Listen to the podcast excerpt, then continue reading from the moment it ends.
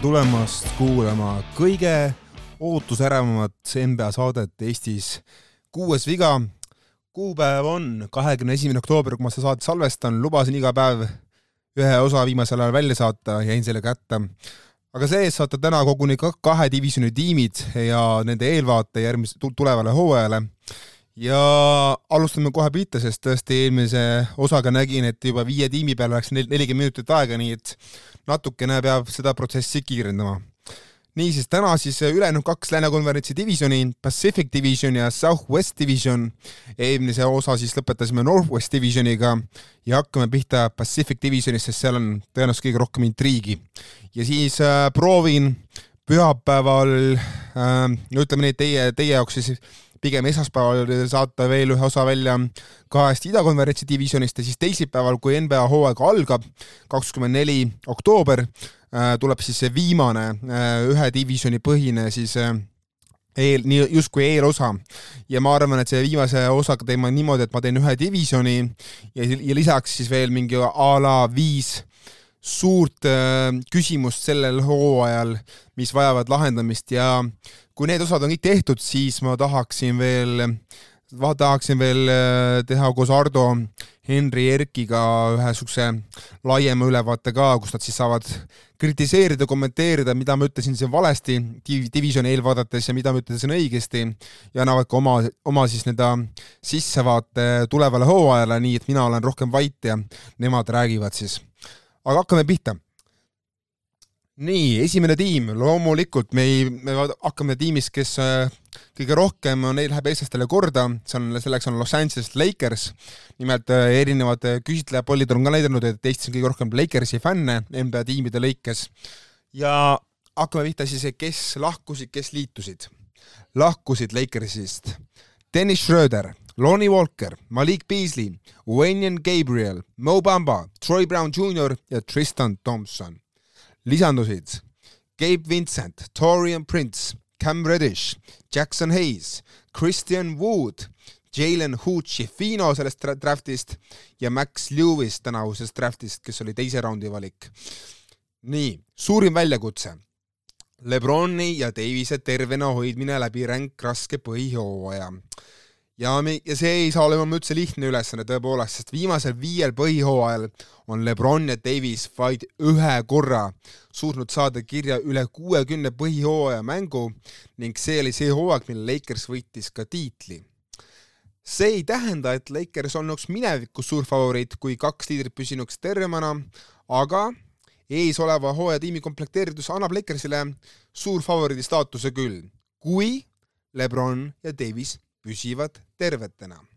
ja muideks ma tuletan ka igaks juhuks meelde, et äh, alates siis äh, kohe algavast hooajast on vaja saada kirja kuuskümmend viis mängu selleks, et sa oleksid kõlblik all NBA auhinnaks ja muudeks põhiauhindadeks, näiteks MVP või mingi muu auhind, nii ka, ka selles arvestuses on, on Davisele, Lebronil nüüd motivatsiooni pää-, saada natuke rohkem mänge kirja aga miks veel tähtis, et Lebron ja Davis püsiksid siis uh, vähemalt kuuskümmend, kuuskümmend viis mängu tervetena. ilma nende kaheta ma väga kahtlen, kas Lakers selles tänavuses väga ränk, raskes ja tasavägises lääne konverentsis saab kõrgema asetuse kui näiteks mingi seitsmes või kaheksas asetus, kui Lebron ja Davis annavad kumbki näiteks a la viiskümmend, nelikümmend mängu. et äh, lihtsalt äh, ja alustada play-off'i seitsmenda asetuse pealt on palju, palju, palju, palju, palju, palju raskem kui alustada seda teise või kolmanda asetuse pealt, kus on see, kus on, kus sul on siis vähemalt kaks raundi koduväljaku eelis. suurim Lakersi tugevus. ma pean tunnistama, et kui ma vaatasin Lakersile otsa ja mida nad eelhooajal on teinud ja mis, mis nende suvi endas sisaldas, siis äh, neil on väga vähe nõrku kohti, kui tuumik püsib tervena minevikus võis ju Lakersile ette heita näiteks kesist viskejõudu tagaliinis äärel, aga see viga on nüüdseks ära parandatud Austin Reavesi arendamistööga ning äh, D'Angelo Russelli, Gabe Vincenti ja Torian Prince'i täiendustega. et äh, Lakers on tõeliselt mitmekülgne meeskond, keda juhib ju oma ajastud, ma võiks öelda, geenius, keda ei tohi mitte kunagi ala, alahinnata, nii et äh, neil on väga palju tugevaid kohti. mida meediapäeval räägiti Lakersist? Räägiti muidugi seda, et äh, oktoobri alguses oli suuri mõistetusi, kes siis alustab äh, Lebroni, Anthony Davise, Austin Reavesi ja D'Angelo Russelli kõrval. tänaseks on selge, et see on Torian Prince. Lakersi kiusati natuke ka küsimustega D'Angelo Russelli tuleviku asjus, sest tal on lepingu piisavalt suur ja piisavalt lühike, et Lakers saaks seda vajadusel kiiresti ära vahetada ning lisaks sahistatakse, Austin Reavesi moodi arengut oodatakse nüüd ka möödunud hooaja pingi lõppu jäänud saja üheksakümne viie sentimeetri pikkuselt noorelt äärelt Max Christilt, kes ähm, säras ka NBA suveliigas. kellele hoian mina eriti silma ja miks? D'Angelo Russell tema sooritused hooaja esimeses pooles saavad määravaks, et kas äh, minu silmis, et kas oodata Lakersilt kevade hakul suurt vahetust või mitte. Russell küll väidab, et ta sai eelmise hooaja play-off'is aru, et ta peab arenema kaitses pädevaks tagamängijaks, aga ma usun ta pühendumust kaitses siis, kui ma seda lõpuks põhihooajal näen. üks number. Lebron on mänginud kaheksateist tuhat viissada minutit rohkem NBA kossu kui tema lähim aktiivne helitaja Chris Paul ja ligi viis tuhat minutit rohkem play-off kossu kui tema lähim helitaja selles play-off arvestuses kolmekümne viie aastaseks saanud Kevin Durant. Lebroni odomeeter on tõeliselt võimas ja kusjuures sellel nüüd tuleval hooajal peaks Lebron mööda minema ka kõigi aegade minutite arvestuses äh, rekordiomanikust Karim Abdul-Jabbarist. LA Clippers lahkusid Eric Gordon ja Jason Preston. no Prestoni nimi ei ütle paljudele mitte midagi, sest ta oli Lakersi pingi lõppu pagendatud niisugune noor mängija, äh, mängujuht, aga Erik Gordon oli küll äh, üks äh, eelmise hooaja suuri täiendusi ja ma arvan, et tema kaotusest on küll Clippersil kahju. liitusid põhilepinguga, mitte siis two-way lepinguga, Kenyon Martin Jr, Houston Rocketsist tuli sisse ja draftist võeti kolmekümnenda valikuga Kobe Brown, kes on ääremängija. Äh, suurim väljakutse, kui James Harden peaks Clippersiga liituma, nagu Harden seda soovib, siis saab olema suurim väljakutse tema sulandamine ülejäänud tuumikuga.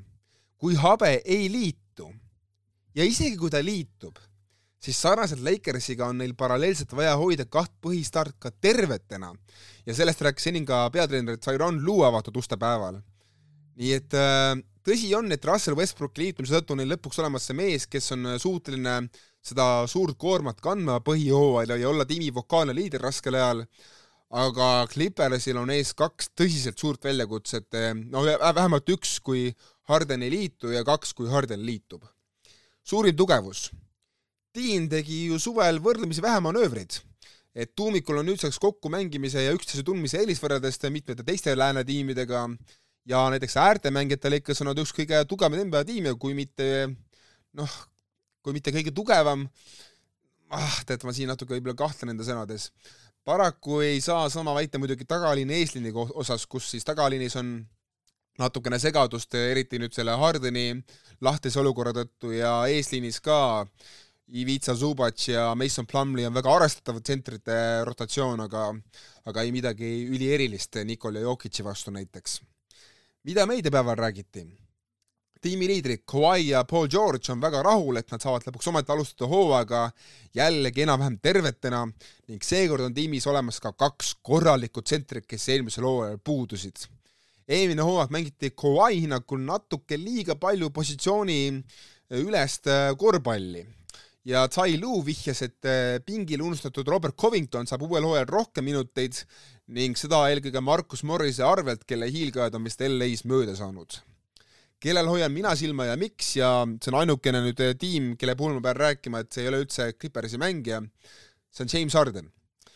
kui Lillardi saaga sai lõppu, kestab ju Hardeni oma tegelikult edasi ja erinevalt Damon Lillardist on Hardenil vaid üheaastane leping ja seega on tal ka natuke paremad šansid saada oma tahtmine, ehk siis minna lõpuks Clippersisse, nagu ta seda soovib. aga Hardeni tulek tähendaks olulist rollimuutust nii Leonardile, George'ile kui ka möödunud hooaja play-off'is tiimi sütitanud Westbrookile. kuidas trio kohaneks olukorraga, kus rünnet dikteerib eelkõige Harden, mitte nemad? isegi kui Harden on enda mängustiili muutnud ja on NBA top kolm söötja, tunneb ta ju ennast kõige mugavamalt koos palliga ja praegu on ju tulnud ka meid ette raporteid, et ähm, tegelikult ei ole see diil enam väga kaugel olnud, et see diil justkui näiliselt seisab praegu selle taga, et Clippers ei taha ära anda kahekümne seitsme aastast noh, varumeest poole kohaga algviisiklast Terence Manni. Ja kui see on see põhiline takistus, siis ma olen üsna kindel, et ühel hetkel, kuna Mann ei ole nüüd teab mis staari kaliibriga mees, ma olen suhteliselt kindel, et ühel hetkel ikkagi Sixers ja Clippers jõuavad mingisugusele diilile. üks number. möödunud hooajal oli Clippers enamikes põhinäitajates täielik keskmik ja tempo poolest oli Clippers üks NBA kõige aeglasemaid meeskondi, paigutades kahekümne neljandale kohale kolmekümne tiimi lõikes ja minu küsimus on, kas korralik täishooaeg tempot kruviva Westbrookiga annab tiimile hoopis uue meki? Lähme edasi Sacramento Kingsi juurde. Lahkusid varutsenter Sean Holmes, varuviskaja Terence Davis, varutsenter Jimezi Emetu, noh, pingi lõpu veteran Matthew Della Vedova ja pingi lõpu noorveteran PJ Dozier. liitusid Euroliiga MVP ja, ja üks üldse Euroopa korvpalli paremaid talente, Saša Vesenkov. Chris Duarte tuli Indianast üle äh, siis pingiviskajaks. Javal McGee võtab üle Sean Holmesi rolli varutsentrina. Draftist võeti ka kolmekümne neljanda valikuga vist Colby Jones, kes on päris lootustandev ääremängija ja viimane, viimane koht on vist veel selgumisel. Äh, suurim väljakutse, kuidas kavatseb Kings ületada vastaseid teist hooaega järjest, kui tuumik on võrdlemisi sama ja kõik nüüdsest teavad, mida Kingsilt oodata. Kings oli eelmise hooaja suurim tuhkatriinu minu silmis, ta tõusis, noh, olgem ausad, Lääne konverentsi tuhaliigast põhihooaja tipptiimiks, NBA, ma julgen, julgen väita, et ühe NBA ajaloo ühe ilusama ja efektiivsema ründemänguga, aga, aga, aga Neid saatis ka vapustav õnn terviserindel kindlasti. Ja De'Aaron Fox, ma arvan, ma olen, olen raudkindlalt veendunud, et üllatas kõiki väga jäiste närvidega, võitis ka esimese Jerry Westi auhinna, mis antakse hooaja lõpuminutite kunnile. suvel keskendus Kings eelkõige oma põhimeestele, andes Sabonisele ja tiimi veteranile Harrison Barnesile uued kallid lepingud. suurim tugevus kuigi vastased teavad, mida oodata ja võib võtta ka kergemat sorti mürki selle peale, et ma usun, et paljud tiimid üritavad kohelda Domantas Sabonist korvist kaugemal samamoodi, nagu tegi seda Kingsi play-off vastane Golden State Warriors, siis ei pruugi sellest piisata Kingsi ründava kiirrongi peatamiseks. Neil on tiimis ajalooliselt head vastupidavust näidanud mängumehed, tuumikus sisulikult pole tegelikult vigastuste alti, aldiseid mehi kui Vesenko suudab kaitses ellu jääda ning Duarte näiteks tõusta tagasi samale tasemele, kus ta oli oma debüüthooajal NBA-s, on Kings, ma väidan, perimeetril veel ohtlikum ja veel tugevam kui enne. Mida räägiti meediapäeval? Kingsi mängijad on pahased levinud narratiivi peale, et nad särasid eelmisel hooajal ainult oma tervise tõttu ja soovivad, ja no loomulikult, kui niisugust juttu räägitakse, siis äh, iga tiim soovib tõestada, et möödunud hooaja edu polnud juhus uh,. Mike Brown kiitis Vesenkovi võid, äh, võimeid visketrennides, kuid Browni sõnul on siiani noh, Brown on olnud ikkagi tagasihoidlik Vesenkovi kiitusega ja väidab, et Euroliiga MVP peab veel end tõestama, kui tahab saada püsivat kohta rotatsioonis. nii et Eurokossu fännid äh,, hoidke oma ootused igaks juhuks natuke madalal. kellel hoian eriti silma ja miks? teise aasta mängija Keegan Murray vanema kolledži mängijana ületas Murray paljusid ajakirjanikke ja uusi tiimikaaslasi ka oma tugevate sooritustega Kingsi algviisikus oma esimesel NBA hooajal. Keegan Murray purustas Donovan Mitchell'i uustulnukate arvestuse kolmeste rekordi ühe hooaja lõikes ja võitles mehiselt ka minu arust play-off'is tiitlikaitse Warriorsi vastu. nüüd tänavusel suvel oli Murray selgelt peajagu üle teiste, teistest noortest NBA suveliigas ja ma arvan, et on ka järjest klaarim, et Murray'l on annet muutuda millekski enamaks kui ääremängijaks, kelle ülesanded on lihtsalt olla kaitsemängija ja visata paar kolmest sisse. ma isegi väidaks seda, et Keegan Murray areng mitmeski mõttes määrab ära, kas Kings suudab murda end vähemasti lääne teise raundi või lääne finaali, mis oleks Kingsi jaoks juba väga-väga-väga kõva sõna, arvestades seda, et Sacramento meeskond viimase seitsmeteist aasta lõikes on saanud play-off'i vaid korra viimasel aastal. üks number. möödunud hooajal oli Kings kaitse poolel NBA kahekümne viies meeskond. mida võtab Mike Brown ette ja kas ta üldse saab midagi ette võtta, arvestades tema rotatsiooni, et seda natukenegi parandada? Lähme edasi. Golden State Warriors, minu jaoks võib-olla kõige põnevam tiim isegi, lakkusid Jordan Poole, Sayonara, Donta Di, Donta Di Vincenzo, Michael Green, Patrick Baldwin Jr, Ryan Rollins. Ja karjääri lõpetas ka Andrei Godala, kes oli viimane kaks tuhat neli drafti mängija, kes oli kaks tuhat viisteist Finals MVP, kaks tuhat kolmteist Allstar ja Golden State Warriorsi kuldse dünastia väga oluline liige. ja Andrei Godala auks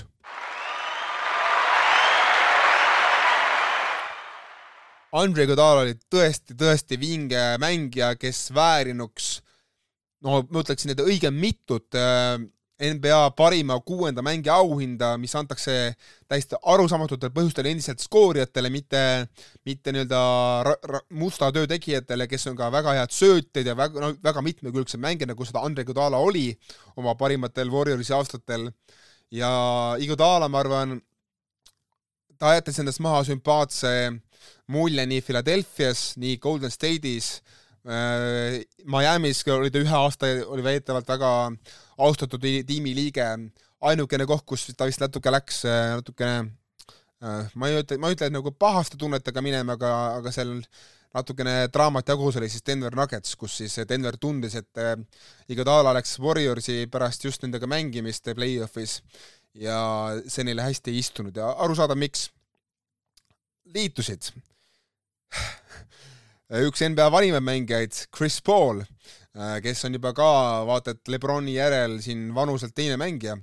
Ja, ja ka minutite ja kogemuste mõttes nii Dario Saric tuli varutsentriks, Corey Joseph tuli varu varumängujuhiks, Brandon Podziemski võeti drafti esimeses raundis ja drafti lõpus võeti Dale Davise poeg, Trace Jackson Davis, kes mäletavad, siis Dale Davis oli legendaar, no mitte legendaarne, aga väga äh, teinekas Indiana Pacersi mängija.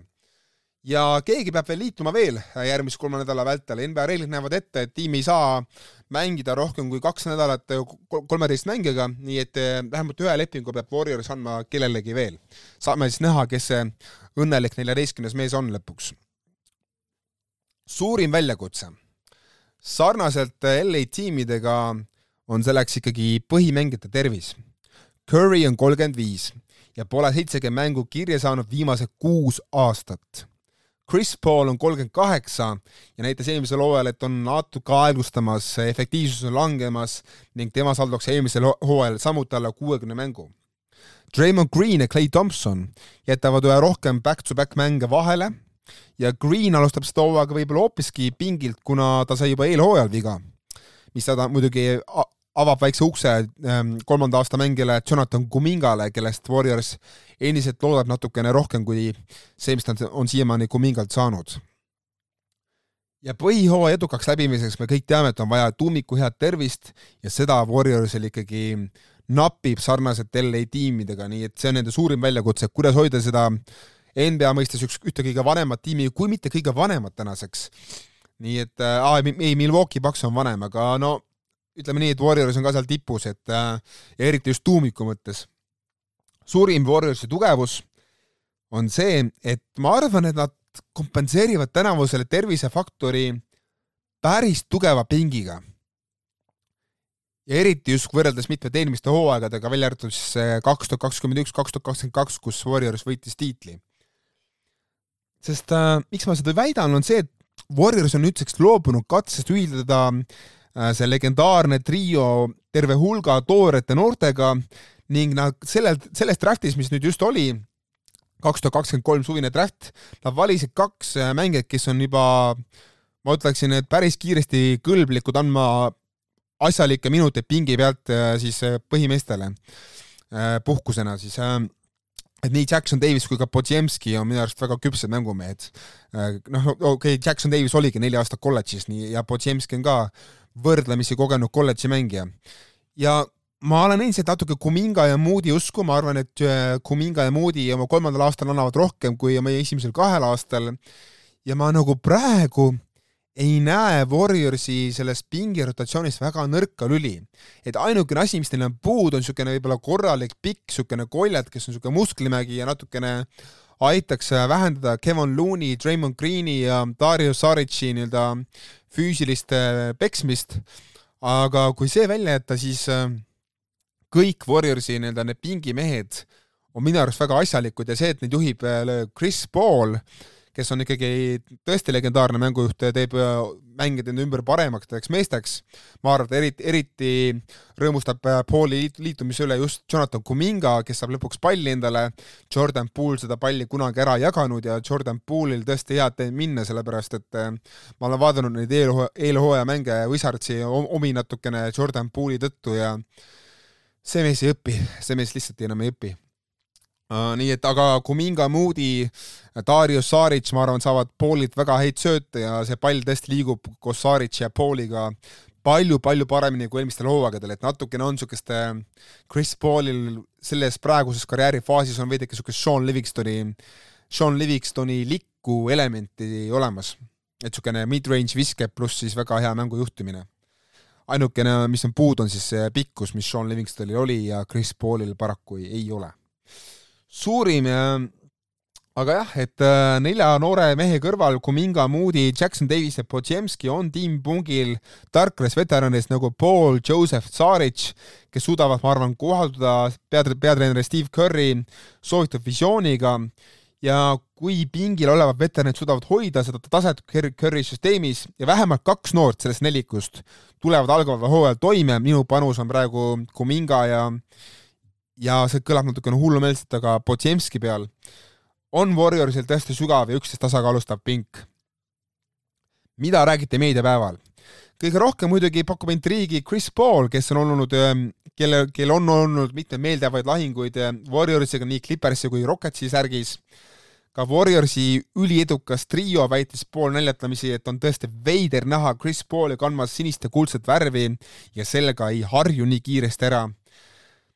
Nüüd, Paul pole enda karjääri vältel tõesti pingilt sisuliselt sekkunud, kuid San Franciscos ootakse Paulilt just kuuenda mehe rolli ja teda nähakse ikkagi Sean Livingstoni vaimse mantlipärijana. ja ma veel ei tea, kas Chris Paul neelab selle ego alla, ta ise küll ütleb, et ta on seda pingilt sekkumist teinud, näiteks olümpial on teinud seda USA koondise eest. elame-näeme äh,. vähemalt ta alustab, ma arvan, hooaega algviisikus, kuniks Treimond paraneb. Keda ma jälgin tuleval hooajal, miks? Andrew Wiggins äh,. Warriors jätkas oma dünastiat kaks tuhat kaheksa, kaks tuhat kakskümmend kaks suuresti Wigginsi mitmekülgse panuse tõttu play-off'is temast sai Warriorsi tähtsuselt teine mängija tolle aasta play-off seeriates ja ta panus lauapallide võtmises kasvas meeletult. nüüd kaks tuhat kakskümmend kaks kuni kaks tuhat kakskümmend kolm hooaeg oli Wiginsi jaoks ütleme puudulik vigastuste ja perekondlike murede tõttu. tema puudumine nõrgestas aga Warriorsi mängu põhihooajal väga olulisel määral ja play-off'is minu arust ei kao Wiggins varju, sellepärast et ta oli nii pikalt eemal olnud mängust ja see natuke ikkagi, natukene oli näha võrreldes just eelmise kaks tuhat kakskümmend kaks play-off'iga. ja minu tees on, et kui Warriors tahab päriselt oma viiendat tiitlit üheksa aasta jooksul, on neil hädasti-hädasti vaja tippvormis agressiivset Wigginsit. aga ma jälgin lisaks Wigginsile teraselt ka Thompsoni kõikuvat taset pärast vigastusi Äh, räägin siis Clay Thompsonist ning eelhooajal äh, säranud Jonathan Kuminga arengut oma kolmandal NBA aastal. üks number. Warriors oli möödunud hooajal võõrsil modernse NBA kehvim tiim, kes kunagi on play-off'i pääsenud. Nad said vaid üksteist võitu võõrsilt. no kuidas läheb seekord võõrsil mängudega, näeme juba tuleval nädalal. Phoenix Suns, kes lahkusid? Chris Paul, Deon Drayton, Landry Shamet, Cam Payne, Chuck Landale, Bismarck Biombo, Terence Ross, TJ Warren, Torrey Craig, Darius Paisley, Ish Wainwright, issand jumal, kui palju nimesid, kes liitusid. Bradley Beal, Yusuf Nurkic, Eric Gordon, Grayson Allan, Nasir Little, Chimezi Emetu, Keita Bates-Diop, Drew Eubanks, Jordan Goodwin, Paul Paul, Utah Watanabe. oh. suurim väljakutse on, ma arvan, nüüdseks juba ilmselge selle pika nimekirja tõttu, nad on järjekordne niisugune tiitlit võitma lähev projektimeeskond, kus tiim on peaaegu täiesti uus ja peab hakkama sisuliselt täiesti nullist harjutama kokkumängu. Enamik neist projektitiimidest ei võida tiitlit, kui neil pole juhtumisi parima seas Lebron Jamesi. Durant, Gordon ja Nurkic, kolm eeldatavat tuumikmängijat, on viimastel aastatel maadelnud pidevate vigasustega ja pingi suutlikkus pakkuda stabiilset tuge on minu silmis ka küsitav. suurim tugevus. ühena vähestest on neil tiimis kolm tõelist ründedünamut, kellest üks on ka selge NBA top kümme mängija ja teine on vähemasti selle piiril, kui mitte top kümne sees tänaseks. kuniks Booker ja Durant on play-off'iks terved, on nad vastik vastane ikkagi igaühele, kuna tiimis on piisavalt palju viskamist eriliselt skoorimist, et panna vastaste laubad ja seljad higistama ja uus peatreener Frank Vogel on ju tegelikult karastunud veterantreener, kes teab, milliseid kadalippe on vaja läbida tiitli võitmiseks. Ja ma ütleksin, et suur tugevus on ka see, et Bradley Beal, ma arvan, üllatab tänavu, tänavu väga paljusid äh, NBA fänne mängujuhina, pange seda tähele. mida meediapäeval räägiti? no loomulikult kõik on uus septembrikuus ja oktoobrikuus ka hiljutine Damien Lillardi vahetus ju tõi suuri muutusi ka Phoenixisse. suure neliku asemel on nüüd eh, Phoenixis justkui suur kolmik ja rohkem sügavust kui varasemalt. Kuigi paljud kahtlevad, et eh, mida suudavad Grayson Allan, Nasir Little ja Yusuf Nurkic ikkagi play-off'i šansile anda, ma tean seda. mehed ka ise tunnistavad, et praegu on fookus üksteise tundmaõppimisel ja momendil näib, et vähemasti viies starter hakkab vahetuma Duranti, Pukkeri, Pili ja Nurkitši kõrval. ja mina ütleks ka seda, et tegelikult pole ka Nurkitši koht kindel, mina arvan, et hooaja vältel see varutsenter, kes oli ka Portlandis, Nurkitši varutsenter Drew Eubanks, tema võib ikkagi võtta Nurkitšilt äh, selle rolli nii-öelda üle hooaja vältel, tal on selleks tervist ja atleetlikkust ja kaitset ja lisaks ma tahaks näha, kuidas Suns hakkab ka üha rohkem kasutama nii-öelda small ball rotatsioone, kus siis Durant või Metu või Peits Diop on tsentris keda ma jälgin ja miks? Durant on sarnaselt Jamesiga jõudnud ikka, kus küll keegi ei kahtle enam ta võimetes, aga samas hõljub õhus pidevalt kaks küsimust. Mitu mängu ta oma tiimile põhihooajal suudab anda ja kuidas ta kavatseb loovutada liidri teatepulga üle oma nooremale tiimikaaslasele Devin Bookerile?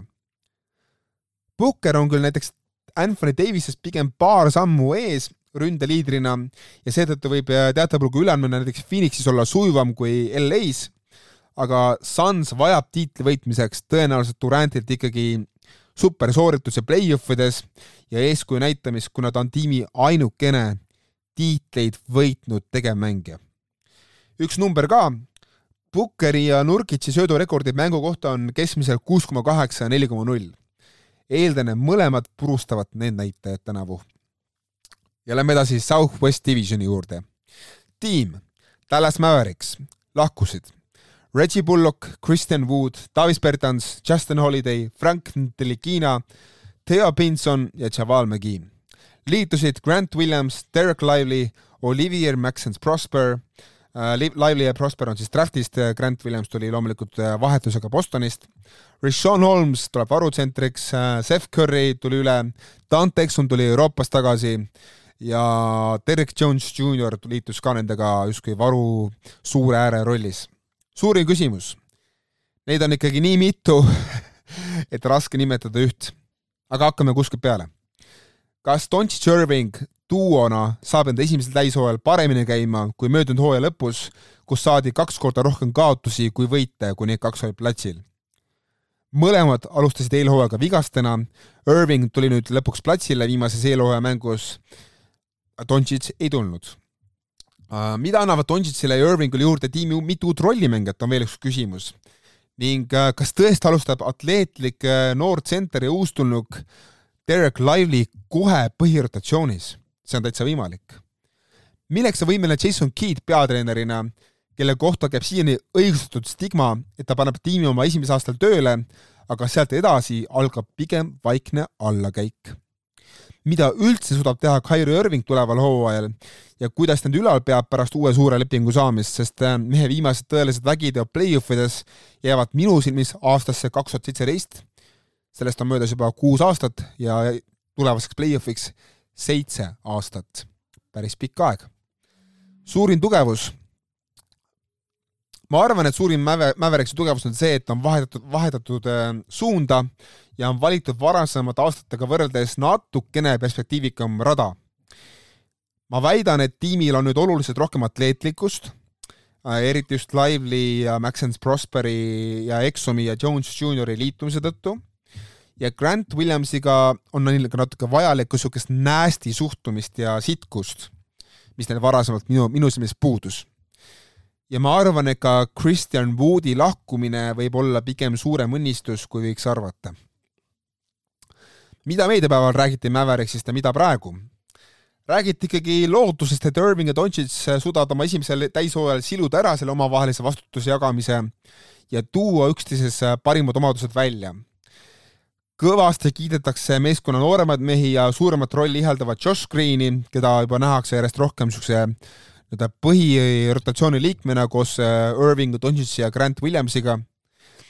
nüüd on aga jutt läinud natuke morbiidsemaks pika eelo, pika eelhooaja tõttu, sest Mavs pidi lendama mitukümmend tuhat kilomeetrit äh, kolme näidismängu pidamiseks Saudi Araabias ja Euroopas ja see ringreis on väsitanud tiimi ära. ja juba leidub neid, kes arvavad, et Mavericks jääb ka algaval hooajal tõsiselt hätta play-off'i jõudmisega üha valjemaks läheb suvin Luka Dontšitsi ja Mäveriksi ühise tuleviku asjus. kellel hoian silma peal? Luka Dontšits, loomulikult äh,. Vabandust, väike nohu on ka mul. tema profikarjäär, kõige keerulisem aasta oli just äh, praegu, vabandust, ma nüüd tuli köha ka otsa. alustan lauset uuesti. tema profikarjääri kõige keerulisem aasta on loodetavasti selja taha jäänud aga korvpalli MM-il nähtu pani mind muretsema, et mees jätkab vanal rajal ega ta ei suuda vältida lõksi, mida raske NBA hooaeg ikka jälle ta teele asetab. Et ta on jube, ta on juba hooaja alguses hädas sama reevigastusega, mis teda segas eelmistel hooaegadel, ei ole kuigi hea märk. kui Irving ei suuda teemutamist lõpetada, on ka tuleval hooajal tema õlgadel metsik vastutus, mida on Slo-, mida on Sloveenia imemehe jaoks natuke liiga palju. üks number suvel sada kakskümmend kuus miljonit dollarit tallaselt vastu võtnud Kyrie Irving on kaheteist aasta pikkuse karjääri vältel ületanud seitsmekümne mängu tähise vaid kolmel korral ja kõik need korrad juhtusid ta karjääri esimese kuu, kuue hooaja jooksul.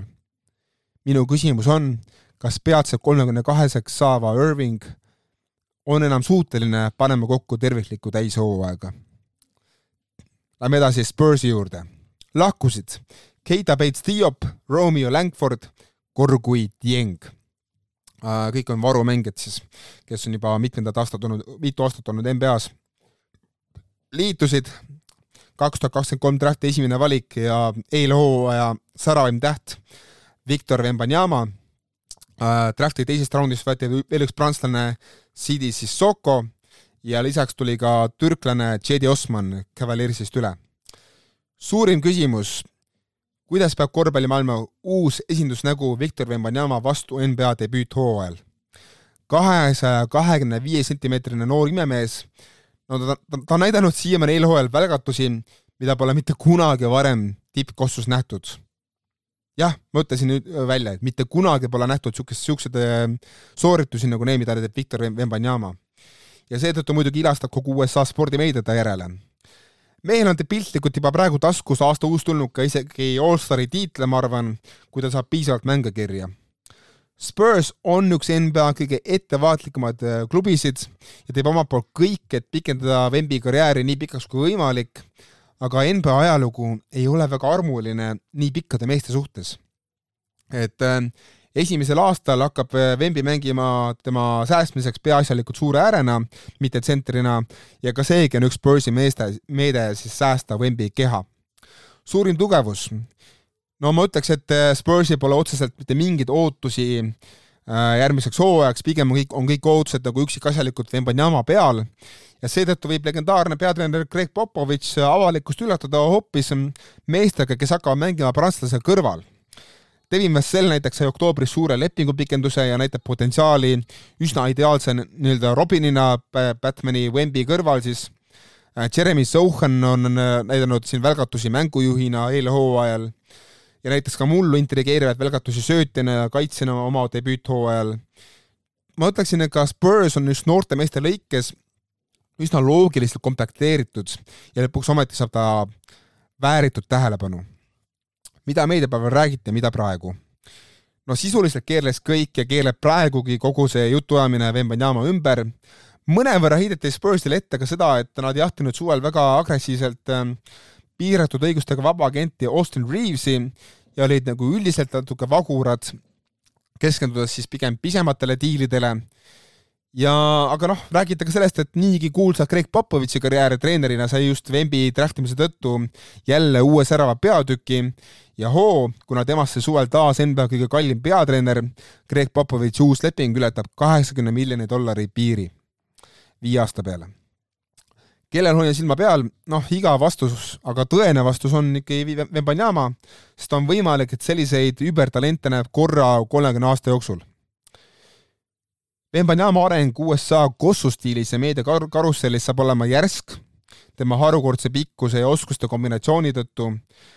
poole silmaga ma vaatan ka seda, kuidas Pop üritab Jeremy Sohanist luua uut mängujuhti. üks number. eelmisel hooajal juhtis NBA plokiarvestust aasta kaitsemängiks valitud Jaren Jackson Jr keskmiselt kolme plokiga mängus. kas Wembanyama ületab esimese, eelmise, eelmise aasta supertähis oma esimese aastaga. ma arvan, et Embanyamal on tol-, top kolm plokiarvestuse koht käeulatuses, kui keskmine minutit, minutite arv jääb kahekümne viie kuni kolmekümne minuti piiresse. Lähme edasi Memphise juurde. lahkusid Dylan Brooks ja Tyus Jones, asemele tulid Markus Smart ja draftist teises raundis võetud noor talent Gigi Jackson. suurim küsimus on, kas peohunt ja püstolimees Ja Morant ärkab piltlikult lõpuks üles ja suudab hüljata enda perekonnaliikmed ja sõbrad, kes avaldavad talle halba mõju, eriti tema isa. esimesed kakskümmend viis põhijooaega mängu jätab Morant vahele, kõik teavad seda, aga, aga ma arvan, et paljud ei adu, et Ja Morant on Memphise linna suurim staar, suurim rahvusvaheline staar pärast Elvist. aga viimase aasta vältel on Morantist saanud Kossuliga paha, paha poiss ja leidub üha rohkem seetõttu kahtlejaid Morantis äh, nii Memphises kui mujalgi ning omaette küsimus on, et isegi kui Morant võtab ennast kokku ja rehabiliteerib ennast, siis kuidas ikkagi Grizzlid kavatsevad ähm, kas tiitlit võita või nagu vähemalt finaali pääseda, kui tiimi liider on NBA mõõtmetes väike tagamängija. et Steph Curry'st on Ja Morant ikkagi valgusaastate kaugusel nii liidrina kui mängijana.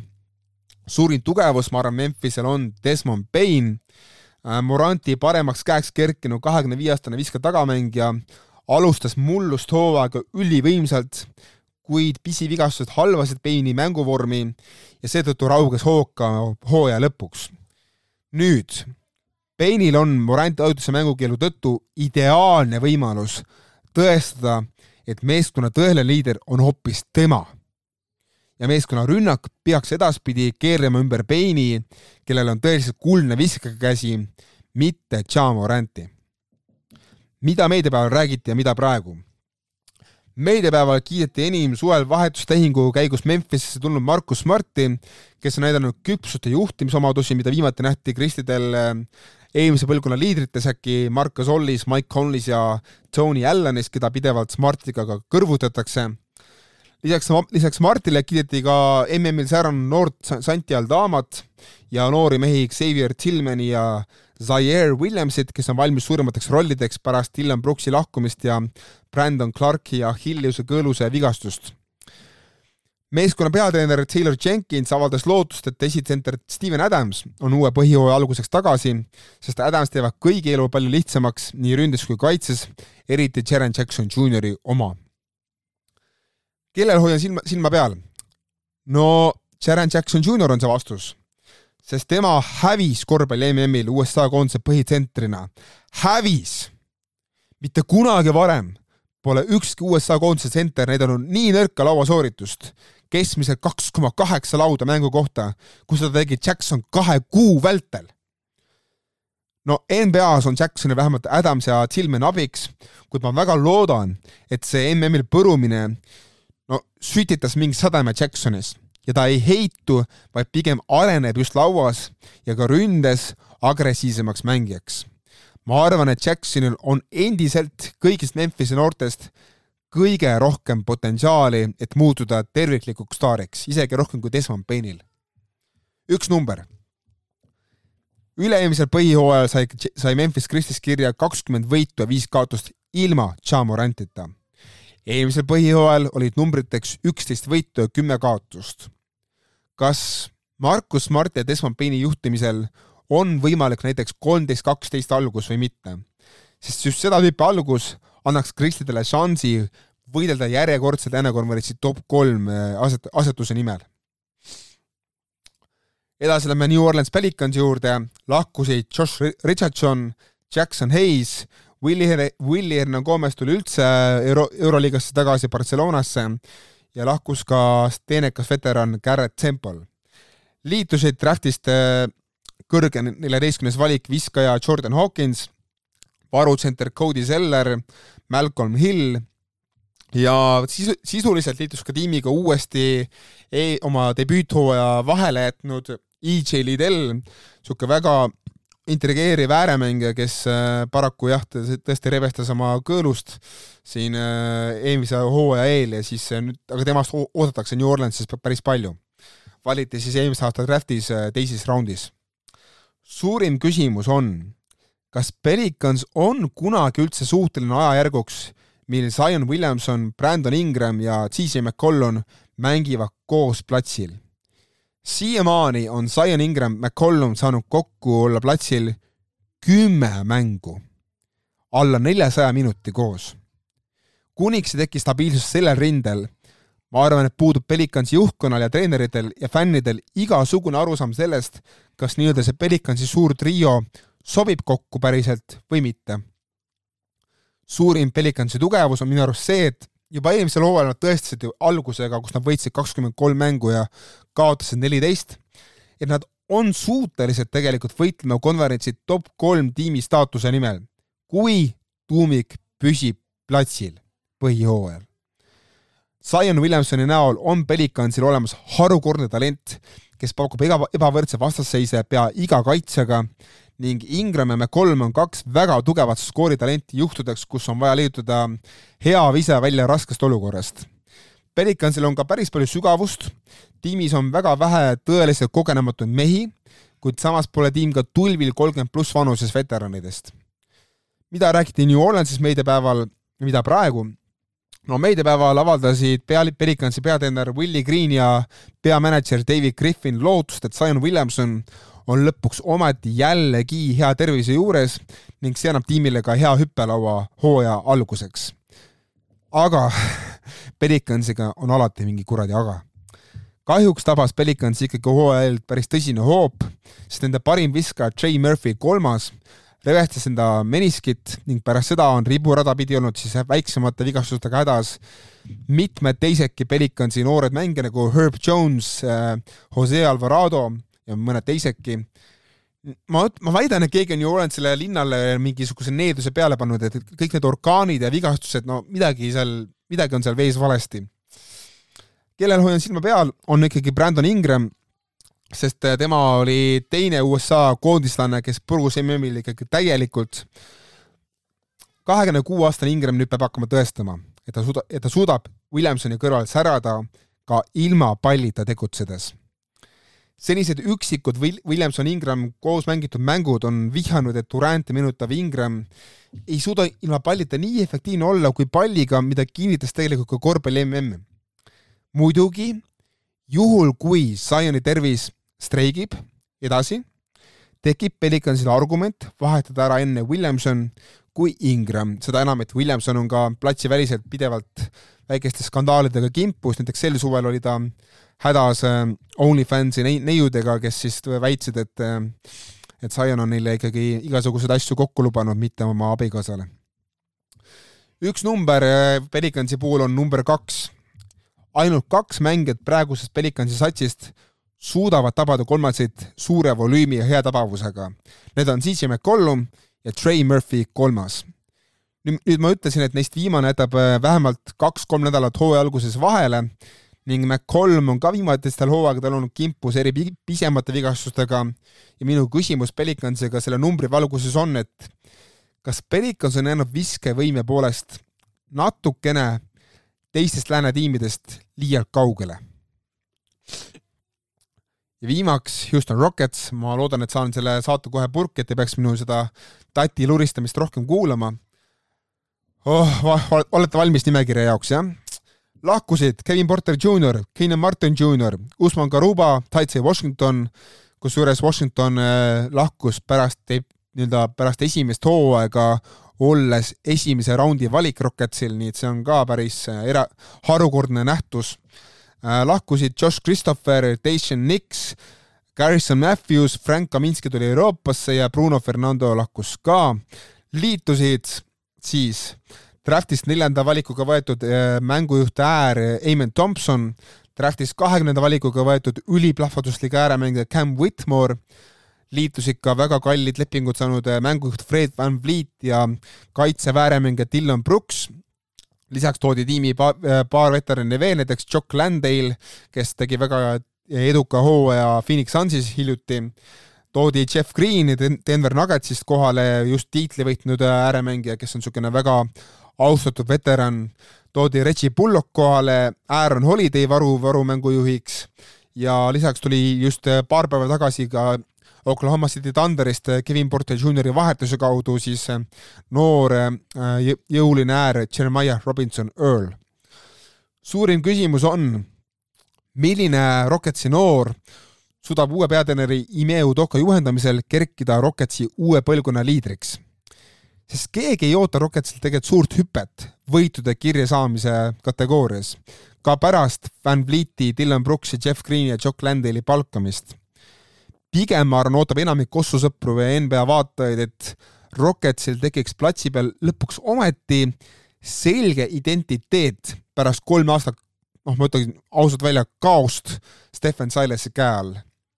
suurim Rocketsi tugevus minu jaoks on see, et Fred Van Vliet on mängujuht, kes suudab esile tuua Rocketsi noortetalentide üüberatleetlikkuse.